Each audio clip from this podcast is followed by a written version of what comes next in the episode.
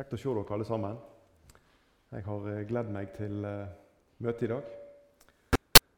Og eh, satt hjemme og funderte litt på hva vi skulle dele sammen.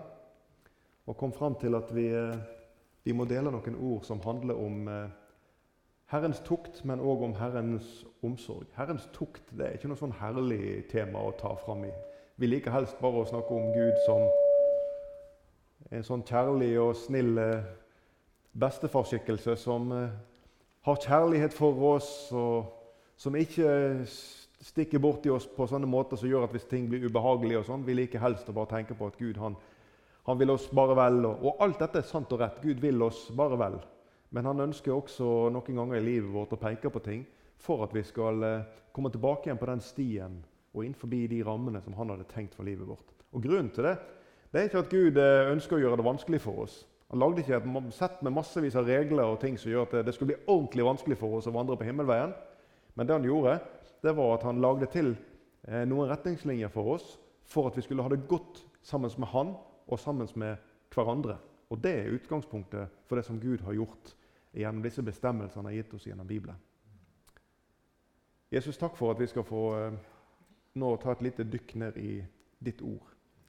Og Nå ber vi Herre om at du ved din ånd Herre, skal eh, åpenbare det for oss, sånn at vi kan slå opp øynene våre, Herre Jesus, og, og se Herre, det du vil si til oss.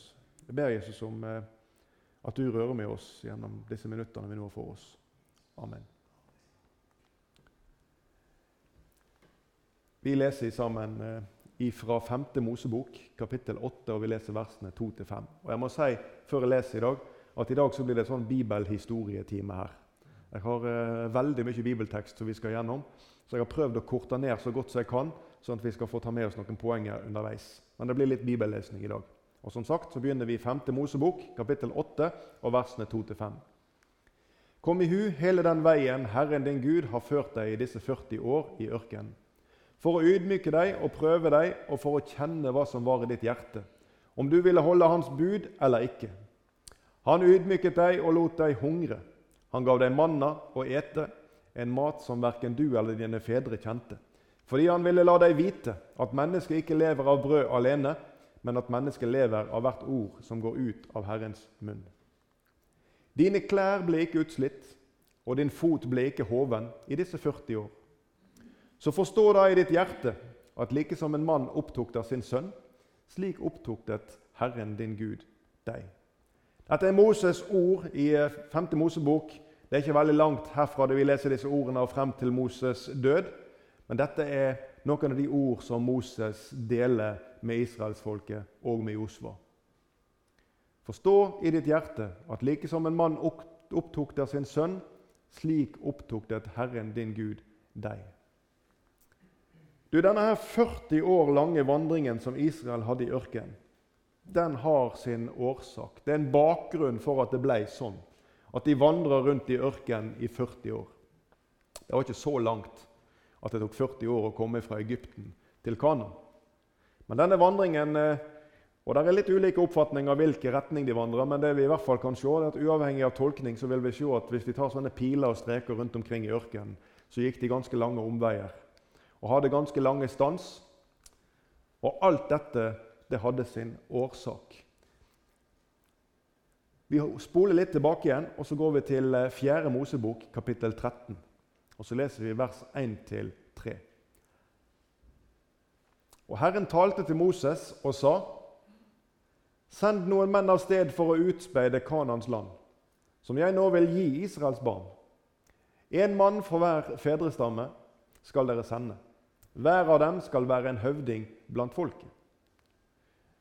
Da sendte Moses dem fra ørken Paran etter Herrens ord. Alle var de overhoder for Israels barn. Moses han sender altså, han velger ut disse tolv, en fra hver stamme i Israel, som skal eh, utspeide dette landet. Nå står de ved grensen til dette landet som de skal inn i. Og Dette er ikke veldig lang tid etter at de forlot Egypt. Så leser vi videre i, i 4. Mosebok 13, versene 17-20. Moses sendte dem for å utspeide Kanans land, og han sa til dem.: Dra opp til Sydlandet og stig opp på fjellene, og se hvordan landet er. Se om folket som bor der, er sterkt eller svakt, om det er lite eller stort. og se hvordan det landet som de bor i, se hvordan det landet er som de bor i, om det er godt eller dårlig, og se hvordan de byene er som de bor i, om de bor i leirer eller i befestede byer. Hvordan jorden er, om den er fruktbar eller mager, om det er trær der eller ikke. Vær ved godt mot og ta med dere av landets frukt. Det var nettopp på den tiden da de første druene ble modne. Så Moses sender folket av gårde her, disse tolv. De skal inn i det lovede landet. De skal se hvordan det ser ut der inne, hvordan folkene bor. Om eh, de vil vurdere det lett eller vanskelig inntakelig. Om det er frukt på markene osv. Moses ber de på en måte om å komme tilbake igjen og fortelle oss om det landet som Gud har sagt vi skal få gå inn i. Og ta med dere noe av frukten i det landet. Det forteller noe om Moses' forventning til dette landet som Gud hadde talt om. Så har disse speiderne vært inne, og så kommer de tilbake igjen. og Vi leser videre der i samme kapittel, kapittel 13 i 4. Mosebok, og vi leser vers 27-29. De fortalte ham og sa:" Vi kom til det landet du sendte oss. Det flyter virkelig med melk og honning, og her er dets frukt. Og Så hadde de med seg frukt, granatepler, fra dette landet, og viste på en måte at se her, det er et fruktbart land. Så leser vi videre. Men folket som bor i landet, er sterkt.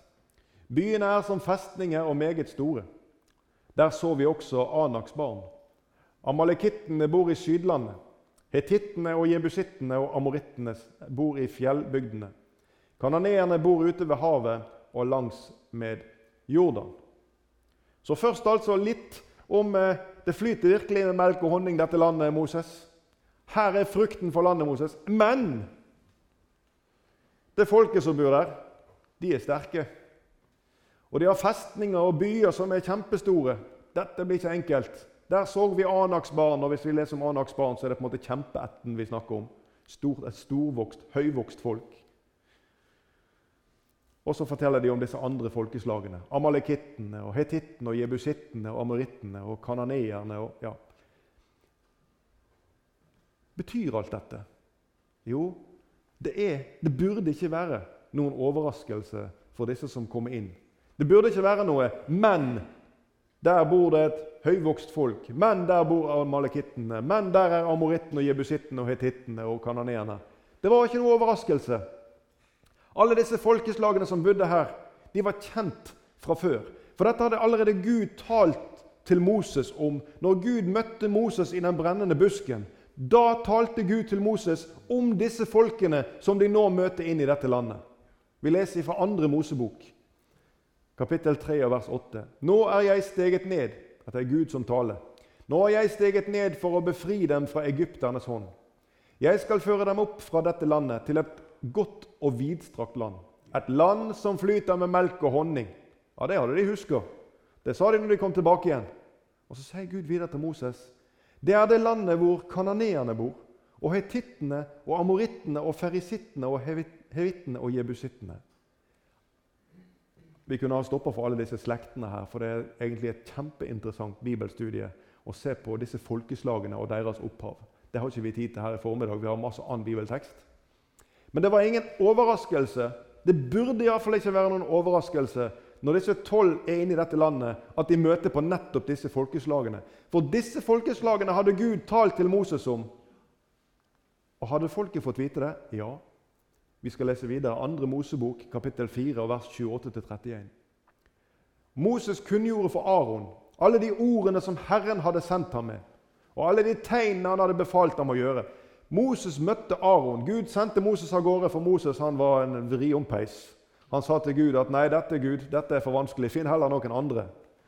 'Nei', sa Gud, 'jeg har utvalgt deg til dette.' 'Ja, men jeg kan jo ikke tale.' jeg er jo, sant? Moses han syntes sjøl at det var vanskelig å snakke. Han var treg i mæle, sa han. Og det kan hende at han følte det sånn. Men Gud hadde utvalgt han. Men Gud var nådig. Han sa til Moses, 'Jeg skal sende bror din med, Aron.' Og han skal tale de ord som jeg har lagt i din munn. Derfor så leser vi her at Moses han kunngjorde for Aron alle de ordene som Herren hadde sendt ham med, og alle de tegnene han hadde befalt ham å gjøre. Og hør nå. Så gikk Moses og Aron og samlet alle de eldste av Israels barn. Nå er vi kommet til Egypt. Nå er Moses kommet til Egypt. Og Aron bar fram alle de ordene Herren hadde talt til Moses. Han gjorde tegnene for folkets øyne. Det var ordentlig herlig. Tenk for et møte. De har vært i fangenskap og i slaveri nå i 400 år. Cirka det. Og Her kommer Moses og Aron. Nå skal dere høre, folk. Gud har talt ut av tornebusken. Og vi skal dra til et land dere skal fare, og han skal slippe dere løs herfra. Vi skal dra til et land som flyter med melk og honning. Og der bor hetittene og jebusittene og amorittene og ferisittene og kananeerne. Og de skal Gud drive ut for oss. Det var budskapet. Og så leser vi vers 31. Og folket trodde. Da de hørte hvordan Herren hadde sett til Israels barn og gitt akt på deres nød, bøyde de seg og tilba. Det må ha vært et herlig møte, tenker jeg. Her har vi et dypt fortvila folk i fangenskap og slaveri. Og så kommer Moses og Aron og forteller at nå, folkens, nå har Gud hørt bønnene deres. Nå skal det skje.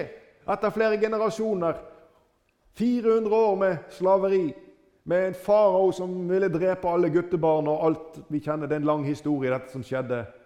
Helt ifra Jakob drog med sine, sitt følge, ca. 70 mennesker, kom til, til Egypt og bodde der i Gosen og ble til dette folket her som, hvis vi ser litt på slektstavlen og beregner litt, Når Israel gikk ut av Egypt, så var de et folkeslag på kanskje bortimot to millioner mennesker. I løpet av disse 400 årene så har Guds velsignelse hvilt over dette folket, som skulle bli tallrik som stjernene, som han hadde lovt Abraham. Du, alle disse tingene hadde Gud en plan med. Det som skulle skje fram i tid.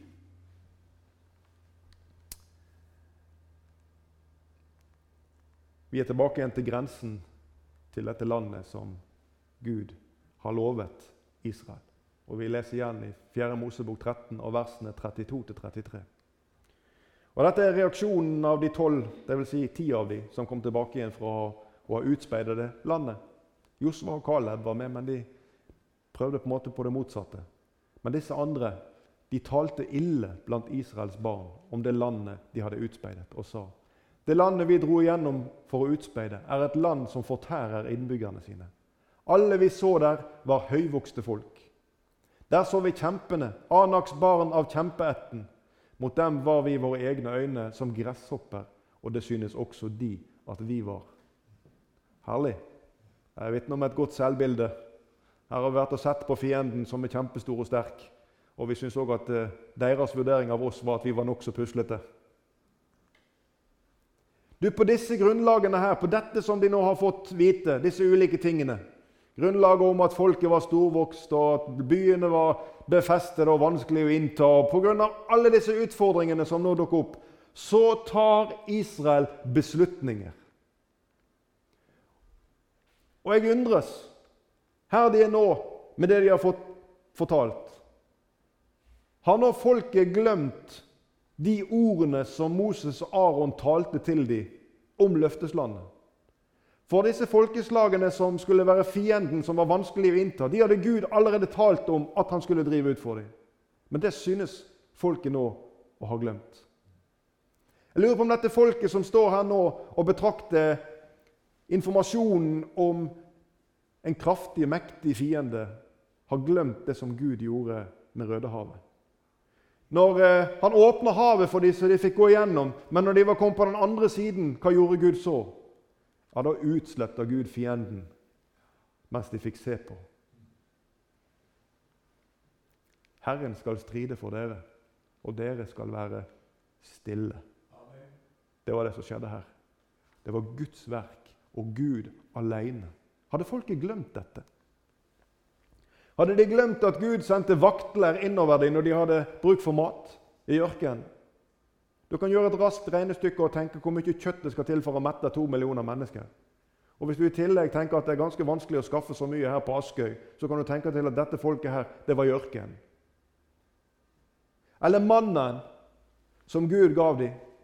Kjære Gud, som gir et middel som inneholder alle næringsstoffer som menneskekroppen trenger til å vandre i sånne ytre omstendigheter som ørken gir. Et sånt næringsmiddel har ikke vi i dag. Men det fant Israels barn når de åpna teltduken om morgenen og gikk ut. For det hadde Gud sørga for. Det lå der på marken. Hadde de glemt dette? Hadde de glemt at de faktisk hadde hørt Guds røst? At dette folket hadde hørt Guds røst som talte ved Sinai? Du, Jødene de har den dag i dag en høytidsdag for å minnes nettopp dette. Og Vi skal lese litt om det. Det var kanskje noe du ikke hadde tenkt på.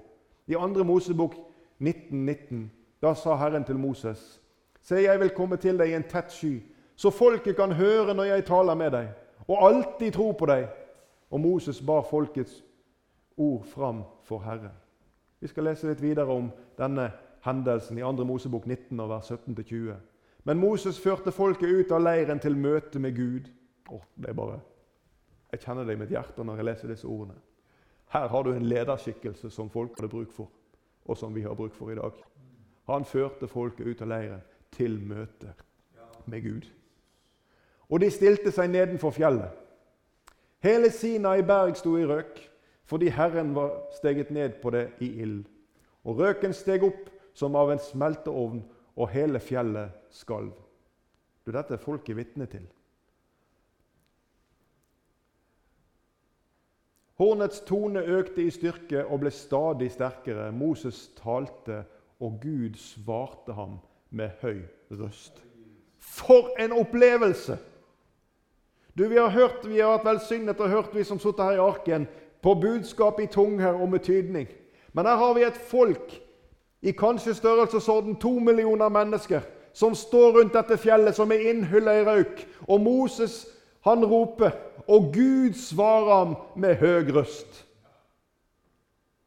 Og Herren steg ned på Sinai berg, på toppen av fjellet. Så kalte Herren Moses opp på toppen av fjellet, og Moses steg opp. Men her, ved grensen til det lovede land, så synes alt dette her å være forsvunnet inn det innhyller i noe som vi er godt kjent med også i vår tid frykt. Jeg skal ikke si veldig mye om frykt, for det kunne vi godt ha talt om isolert sett. Jesus han eh, er veldig opptatt av dette med frykt, at vi har frykt.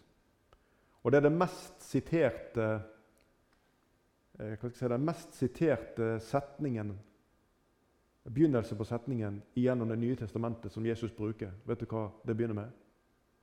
Frykt ikke. Frykt ikke! Jesus vet at vi har frykt. Og når Jesus eh, understreker dette i ordet sitt Det er tre hendelser i Bibelen som, eh, i Det nye testamentet. Jeg skal bare helt kort nevne det som en parentes. Når omstendighetene er slik at frykt tar tak i mennesker, så er det tre steder i Bibelen, og bare der, hvor det begrepet er brukt i grunnteksten for å beskrive omstendighetene. Og det er ordet seismos. Du kjenner begrepet seismograf, som man bruker til å måle jordskjelv med. Og det var akkurat det som skjedde. På de tre anledningene jeg skal fortelle deg om, det er når Jesus tar hånd om dette med frykt. Hør, den ene, den ene gangen det er når Jesus henger på korset. Og når han roper 'Det er fullbrakt', da skalv jorden. Seismos er brukt i Skriften. Når Jesus står opp av graven, når steinen blir rullet til side Når Jesus står opp av graven, da leser vi også dette i grunnteksten seismos. Så vil jeg fortelle deg når to, to så viktige hendelser, som handler om vår frelse, som handler om den virkelig store forandring Liksom når nøkkelen som Gud hadde satt inn i låsen over tidshusholdningene, ble vridd om til nådens tid. Så bruker vi disse begrepene, og vi finner det bare én gang til i Det nye testamentet. Og det er når disiplene er ute på sjøen i båten sammen med Jesus. Og når de frykter fordi at vinden og bølgene slår inn over båten, og de er i ferd med å synge, og de, eh, synke, og de rister fatt i Jesus og spør Jesus bryr du deg ikke om at vi går under. Det veldige uværet som vi leser om i den teksten, har også begrepet seismos. Så jordskjelvaktige omstendigheter. ute av kontroll. Det er det israelsfolket har her de står på grensen. Går budskapet om det uovervinnelige, målt i deres egen styrke og kraft, vel å merke, tar overtaket.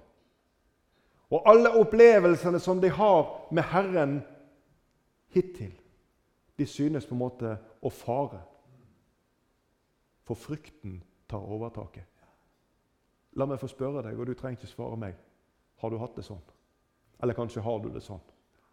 At denne verdens omstendigheter tar bort fra deg bildet av hvem Jesus er, hva han har gjort, og hvilke muligheter han har for deg. Måler du den ytre fiende, din omstendighet, i en eller annen fasong, måler du den opp, hvorvidt den er håndterlig eller ikke, med dine egne krefter? Glem ikke det Gud har gjort, og det han har sagt at han vil gjøre for deg.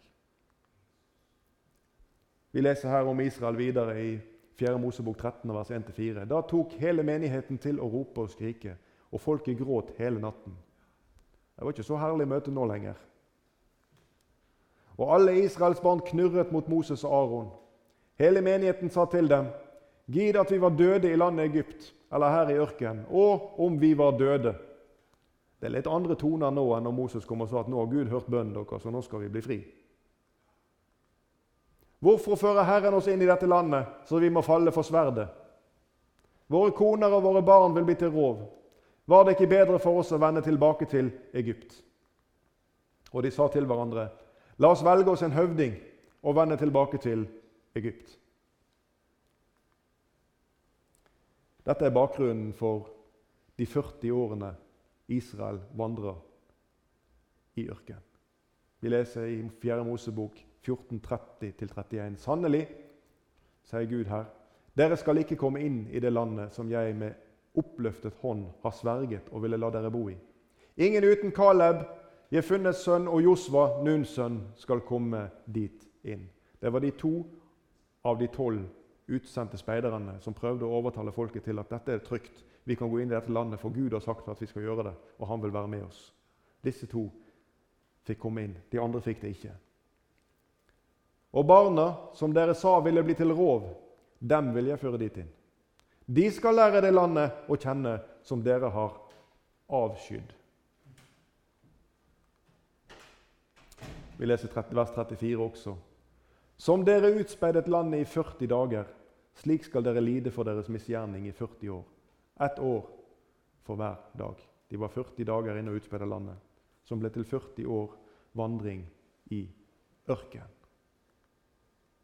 Du, Vandringen herfra og helt fram til Jordan, altså Jordanelva, før de skal gå over og inn i det lovede landet.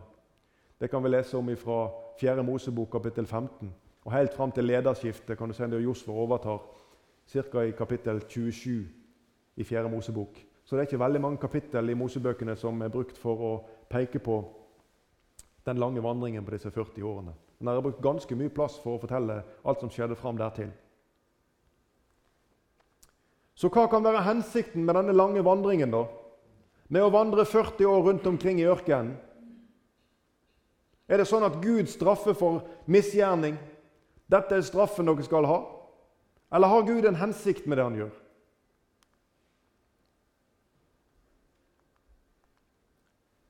Vi skulle snakke litt om tukt og omsorg, sa jeg når vi begynte på dette. Og Vi leser igjen de versene vi begynte med. Kom i hu hele den veien Herren din Gud har ført deg i disse 40 år i ørkenen, for å ydmyke deg og prøve deg, og for å kjenne hva som var i ditt hjerte, om du ville holde Hans bud eller ikke. Han ydmyket deg og lot deg hungre. Han gav deg manna å ete, en mat som verken du eller dine fedre kjente, fordi han ville la deg vite at mennesket ikke lever av brød alene, men at mennesket lever av hvert ord som går ut av Herrens munn. Ja, det var ordentlig herlig. Takk skal du ha, Gud. Førte meg rundt i 40 år for å ydmyke meg og for å prøve meg og for å se hva som var i mitt hjerte. Vi var her forrige søndag, noen av oss som fikk høre når Liv Ingrid hadde andakt omkring Noah i, i arken. Og vi fikk høre om eh, at når det endelig hadde sluttet å regne, så tok det enda veldig lang tid der på vannet før Gud sendte en sterk vind for å ta vekk vannet. Og da ble det store bølger, så det ble enda verre for Noah, som hadde det ganske kummerlig fra før i denne arken. Takk skal du ha, Gud. Gud har en hensikt med det han gjør. Og han har en hensikt også for dette folket. Vi leser i Hebreabrevet kapittel 12 og vers 6. Det er ikke et vers som jeg har hørt veldig ofte sitert, men nå siterer vi det her i dag. For den Herren elsker, den tukter Han, og han hudstryker hver sønn som han tar seg av. Skal vi lese det en gang til? Den Herren elsker, den tukter Han, og han hudstryker hver sønn som han tar seg av. Handler dette om straff? Nei, det gjør ikke det. Dette handler ikke om straff. For den tukt som vi snakker om her, det er en oppøvelse i troen for å få tillit til det Gud har sagt. Det er snakk om en rettledning. Det er snakk om å bruke omstendigheter for å få mennesker på sporet igjen. Det er det Gud gjør. Guds omsorg slipper aldri taket gjennom dette. Gud straffer ikke Israel sa 40 år i ørkenen, vær så god, dere skal dø alle sammen, og dere skal bare ha det så godt. Nei, vi leste dine klær ble ikke utslitt, og din fot ble ikke hoven i disse 40 år. Så forstå det i ditt hjerte at liksom en mann opptok av sin sønn, slik opptuktet Herren din Gud deg. Hva er det Gud gjør? Jo, han fører inn i omstendigheter for dette folket som er vanskelige. Men han har ikke forlatt dem. Gud sørger for klær og mat og vann og helse gjennom 40 år i ørkenvandringen. Det har en hensikt, dette. Ikke straff, men rettledning og istandsetting. For der framme, og det vet Herren, der framme da kommer det en dag hvor dere på nytt skal komme til grensen til dette land, og dere skal dere innta dette land med seierssang. For da har det skjedd noe med dette folket gjennom de erfaringene som Gud nå gir i Salme 103 og vers 10. Der har jeg et vers til deg som kjenner på at ting har gått i stykker for deg fordi du har vært ulydig mot Gud. Du, Det handler ikke om det. Hør her. Han gjør ikke med oss etter våre synder og gjengjelder oss ikke etter våre misgjerninger. Det er et herlig vers å tenke på. For deg som tror at Gud driver og straffer deg for at du har vært ulydig på noen punkt, så les dette verset for deg sjøl i Salme 103 vers 10. Han gjør ikke med oss etter våre synder. Og det er sannelig godt at det er slik. Da, da, da ble det vanskelig. Ørkenvandringen til dette folket i Israel det ble til en istandsettelse til det som venter. Og Da er vi tilbake igjen i 5. Mosebok, iblant de ord som Moses taler til dette folket. 5. Mosebok 7, og vers 17-21. Men om du tenker som så Disse folkene er større enn jeg. Hvordan skal jeg makte å drive dem ut? Moses visste at dette har skjedd før. Dette har skjedd før på grensen til dette landet. Så nå taler Moses. Om du tenker som så. Da skal du ikke være redde. Husk hva Herren din Gud gjorde med farao og alle egypterne. De store plagene du så for dine øyne, de tegn og under du så da Herren din Gud førte deg ut med sterk hånd og utdrakt arm, det samme skal Herren din Gud gjøre med alle de folkene som du er redd for. Herren din Gud skal endog sende vepser mot dem, til alle er omkommet, som er blitt tilbake og har gjemt seg for deg. Moses minner om Guds vei, Guds plan. Og måten han setter mot i folket på, det er å vise til Herrens gjerninger. Det er ikke sånn 'Husk på hvor flinke dere var med så lite vann.' Husk på hvor bra det gikk når vi gikk over den. Vi fikk med oss alle over den store høyden. Det var litt av en bragd. Moses han viser ikke til egne meritter. Han viser ikke til hva folket har fått til i fellesskap. Han peker ensidig på husk hva Gud har sagt og gjort. Det er liksom som du ser Nehemja når han står der bakom en halvhøg mur og setter mot i folket. Tenk på Herren den veldige. Du skal ikke være redd for den, for Herren din Gud er din midte, en stor og forferdelig Gud. I vår tid så føler jeg på at noen av disse tingene er kommet i ulage. Og Det har jeg lyst til å ta deg med litt inn i. For tross Guds løfte så nekter dette folket å gå inn i det målet som Gud har gitt løfte om. Og Dette folket det har fokus på sin egen utilstrekkelighet. Og de har fokus på problemet som skaper frykt i deres hjerte. Og Det blir også hindringen til at de kan stige inn i det som Gud har gjort ferdig for dem. Så det å trosse det Gud har sagt, og det å nekte å sette foten fram og gå inn i det som Gud har ferdig lagt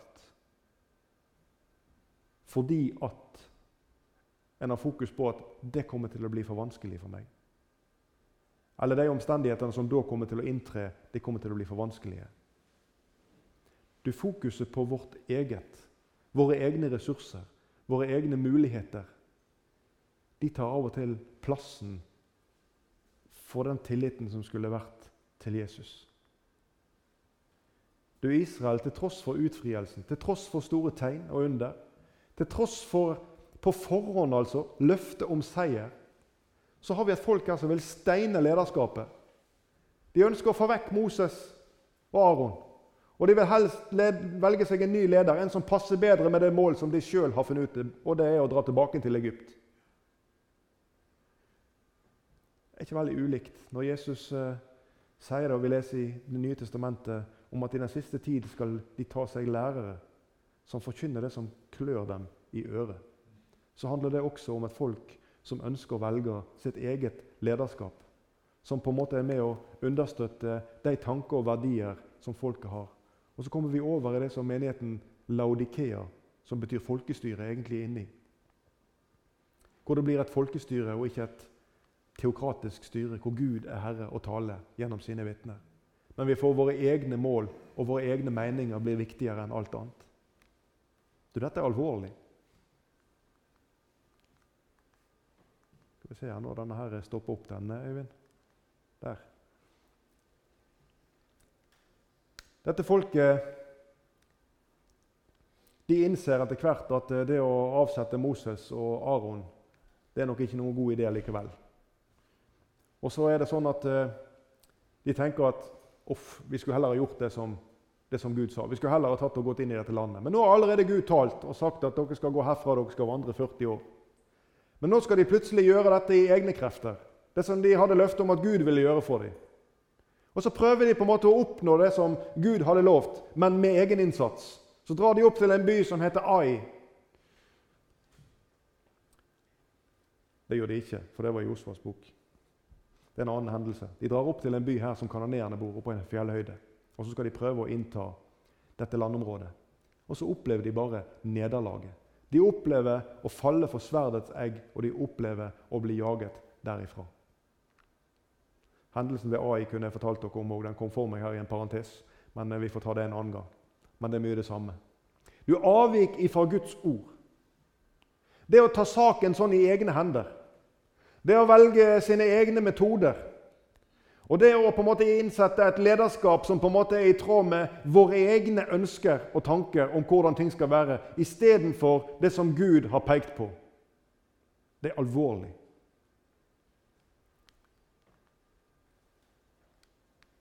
Lydighetens vei.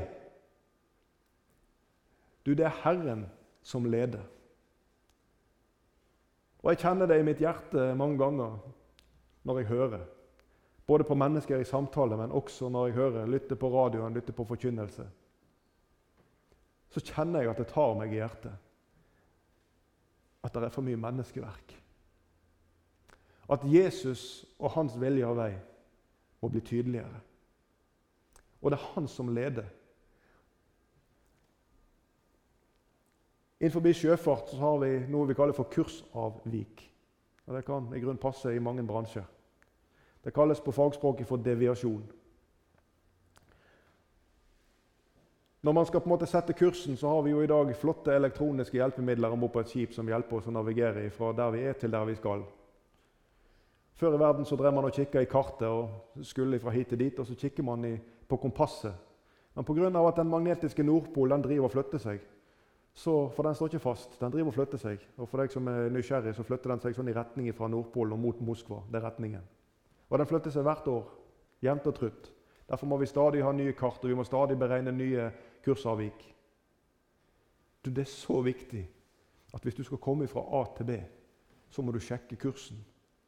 Du må sjekke at ikke du har avvik fra den kursen som Jesus har sagt. Det er Når vi skal sette ut en kurs i kartet og vi skal seile en lang distanse, så den minste deviasjon her nede i kartet den blir til et enormt kursavvik når vi skal komme fram til der vi hadde tenkt oss. Vi når ikke målet. Så de små avvikene er viktig å ha kontroll på. Det er ikke bare det store avviket der oppe. Det er for at vi skal sikre oss å være på kursen og på riktig kurs hele veien. Du vil lese om en menighet som Paulus forkynner til, som heter Berøa. Apostelgjerningene 17 og vers 11. Og Der leser vi om denne menigheten. Disse var av et edlere sinn enn de i Tessalonika. Hør hva de gjorde. De tok imot ordet med all godvilje og gransket hver dag i Skriftene om det forholdt seg slik som det ble sagt. Du, Her er kontrollpunktet. Her er på en måte formelen som vel I sjøfartsverdenen igjen så har man en formel man bruker for å regne ut deviasjon. Men her har vi den bibelske, den teologiske formelen på beregning av kursavvik i den tiden som vi lever i, med alle de input som kommer fra ulike hold. Dette er formel, folkens. Granske hver dag i Skriftene og se om det forholder seg slik som det blir sagt. Ingen lettkjøpte, lettvinte løsninger, men kontrollpunkt på Guds ord. Stemmer dette? Ikke fordi det var han som sa det, eller hun som sa det, eller fordi det, det der hørtes ordentlig herlig ut, så da er det sikkert sant. Det er kontrollpunktet på Skriften. Tillit til Guds ord og løfte. Hør Jesus i møte med sadukeerne. Jesus sa til dem, Markus 12, 24, Er det ikke derfor dere farer vill? Fordi dere ikke kjenner Skriftene og heller ikke Guds kraft. Du, Jesus han vil for deg og meg at vi skal gjøre egenerfaringer tett på han. Tett på han. Ikke komme inn i et lokale som er stemningsfylt. Det kan være ordentlig herlig, det også. Spesielt hvis Den hellige ånd på en måte virkelig slår ned, og vi kjenner at her er det godt å være. Men det er ikke det vi snakker om her. Her snakker vi om opplevelser i Jesu nærhet. Her snakker vi om Peter-erfaringer. Kom og stig foten ut der som du vet at det er utrygt. Fordi at han har sagt at dette er veien. Vandre på den. Det finnes i vår tid, og det har du sikkert vært vitne til sjøl, villfarelse. I dette som på en måte Det er sånne løsrevne ord. Ord som er tatt fra Skriften, men tatt ut av sin sammenheng. Og så blir disse ordene benytta som et slags forsøk på å forplikte Gud til noen løfter. Eller til å blande inn en slags egenandel i det som må til for at Guds under skal kunne skje. Og Det finnes mange sånne eksempler. Jeg skal nevne ett for deg. Vi leser i Isaiah 53, vers 3. Men han ble såret for våre overtredelser, knust for våre misgjerninger. Og straffen lå på ham for at vi skulle ha fred, og ved hans sår har vi fått legedom. Tatt ut av sin sammenheng så blir dette verset tatt til inntekt for. La oss lese den siste strofa og ved hans sår har vi fått legedom. Noen sier derfor du som er kristen, du skal ikke være syk. For det skal du bare ikke ta imot. For sykdommen den er av den vonde. Alt som er, det er en konsekvens av synden, og det er sant. Sykdom inn i verden som en konsekvens av synden. Men du skal ikke ta imot det. Du skal på en måte bare, Det hører ikke deg til. Du er et Guds barn, så du skal ikke være syk. For ved hans sår så har du fått legedom.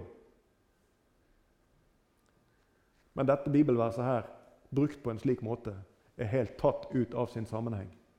Hvis vi hadde gått inn i grunnteksten, og det har vi ikke tid til her i dag, så ville vi sett at dette henger sammen med versets første del.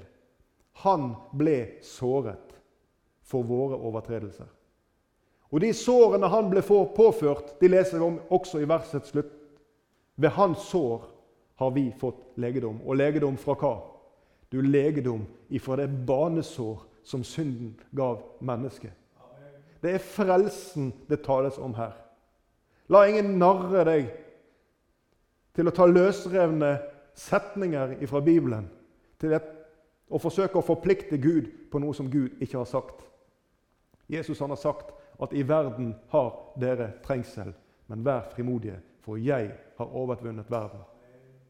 Det handler om Han, og det handler ikke om deg og meg. I Forkynnerne kapittel 3 og vers 14.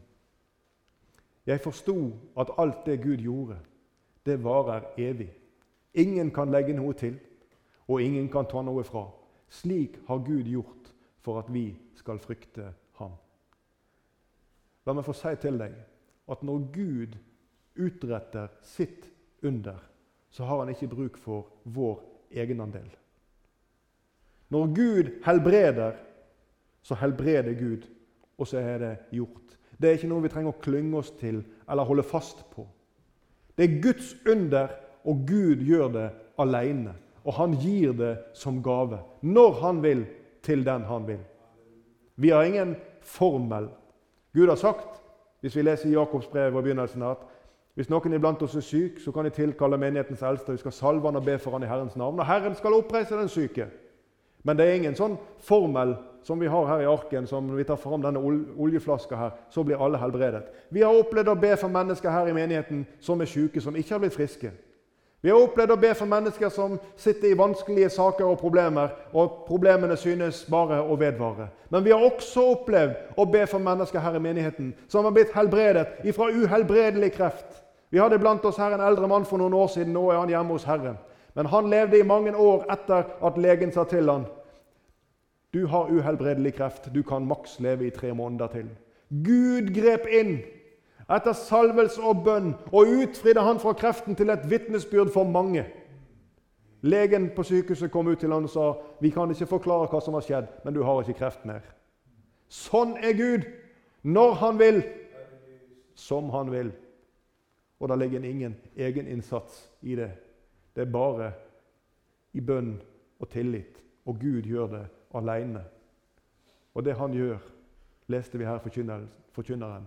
Ingen kan legge noe til, og ingen kan ta noe fra. I Johannes 6,63 der leser vi at det er Ånden som gjør levende, og at kjødet gagner ikke noe. Det var ordentlig herlig. her. Du, Det er en trøst i dette verset. At kjøttet gagner ikke noe. Det er Ånden som gjør levende. Vår innsats i, den, i dette perspektivet er uten betydning. Ånden gjør levende. Kjødet gagner ikke noe. Og de ordene jeg har talt til dere, ja, de er ånd og er liv. Så leser vi i vers 44 i samme kapittel. Ingen kan komme til meg uten at Faderen som har sendt meg, drar ham. Og jeg skal reise ham opp på den siste dag. Ja, dette er også et slikt eksempel. For hvilke virkemidler skal vi ta i bruk for på en måte å fange inn mennesker? Hva var det Jesus gjorde med disiplene sine? Han kalte de til å være menneskefiskere. Og det redskapet som Jesus gav dem, hva var det? Stereoanlegg og lys og røykkanoner og Vi kan tale om mange effekter, og tidene har forandra seg. Jeg er med på det. Men hva Jesus ga dem? Han ga dem én ting. Han ga dem opplevelser i sin nærhet, til vitnesbyrd om hans makt. Det gav Jesus dem. Og vi leser i Bibelen at virkemidlet for at dette skal kunne skje, i Romerbrevet 10, 17, så kommer da troen av forkynnelsen som en hører. Og forkynnelsen som en hører, kommer ved Kristi ord. Og virkemidlet som Jesus har sendt i denne verden for at dette skal forstås, det er Den hellige ånd. Vi skal gå mot avslutning. Det ble en lang prediken i dag. Men eh, helt mot slutten, i Josva 22 og vers 5 Hør her hva Josva sier. Men pass nøye på at dere lever etter det budet og etter den loven som Moses, Herren tjener, ga dere og elske Herren deres Gud og vandre på alle hans veier og holde hans bud og holde fast ved ham og tjene ham av hele deres hjerte og av hele deres sjel. Og dette er nøkkelen, kjære deg, som hører dette her. Dette er nøkkelen til et kraftfullt kristenliv. Dette er nøkkelen til å stige inn i ferdiglagte gjerninger som Gud har lagt ferdig, som du skal få vandre i. Dette er nøkkelen til at du kan få være det vitnet som Jesus hadde tenkt at du skulle få være i en døende verden. Å holde Hans bud, å holde fast ved Han og tjene Han av hele hjertet og av hele din sjel. I 1. Peters brev og dette er de siste sitatene vi får. 1. Peters brev, kapittel 1, vers 6. Ydmyk dere derfor under Guds veldige hånd, for at Han kan opphøye dere i sin tid. Du er kanskje en sånn du som synes at det er ordentlig herlig å bli ydmyka. Du syns kanskje at det er ordentlig herlig å kjenne på ydmykelsen. Nei, ingen av oss gjør det.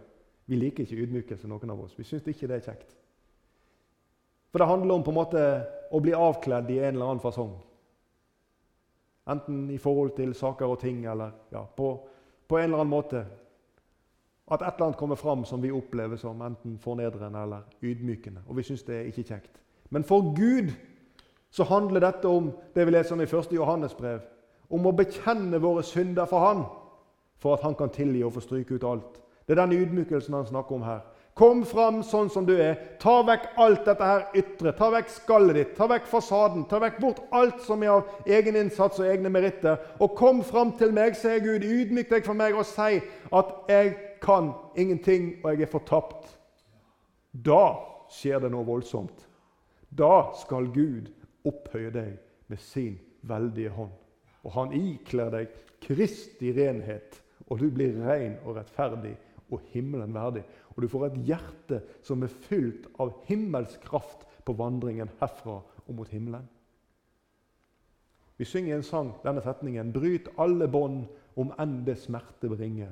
Gi av din kraft og fyll meg mer og mer. Og Jeg vil at du skal ta med deg denne setningen fra denne sangen. Og tenk på i ditt eget liv. Er dette noe som du virkelig ønsker? At Gud skal bryte bånd som du har i livet ditt?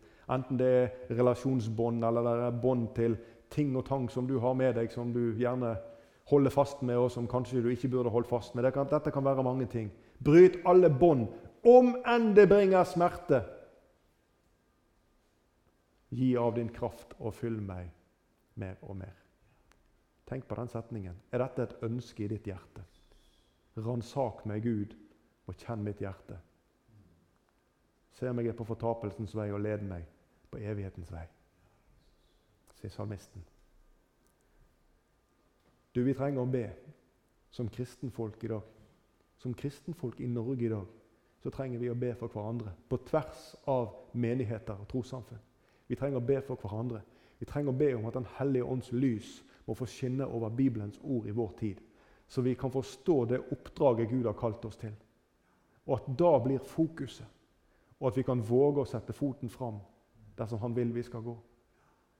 At vi kan bli istandsatt til å skille imellom sann bibelsk lære, og at vi ikke gjør sånn som Israel gjorde her på grensen til løfteslandet, og fokuserer på vårt eget og ønsker å velge oss et annet lederskap som leder andre veier. Herre Jesus, du må hjelpe oss å skille på disse tingene. Du må hjelpe oss, Herre Jesus, og forstå at ditt ord er gitt oss Herre, til lærdom, for at vi skal forstå Herre Jesus og finne trøst. Nå ble det veldig mange ord denne formiddagen, Herre. Men jeg ber om at du må la essensen av dette synke inn i vårt hjerte, Herre. Og vi trenger, Herre Jesus, at du rører med oss, Herre, så vi igjen kan få øye på det oppdrag og det mål som du vil vi skal vandre mot, Herre. Og gi slipp på alt eget verk. Takk, Herre Jesus, for at du har omsorg for oss gjennom alle ting. Takk for ditt folk som du tok deg av gjennom ørken og vanskelige omstendigheter. Og takk for at du førte, Herre Jesus, til det målet du hadde utsatt for dem. Og det lover du også oss. Bevar oss på denne vandringen, Herre, og hjelp oss så ikke vi driver av, Herre, men at vi klarer å korrigere underveis ved å holde oss til ditt ord. Amen.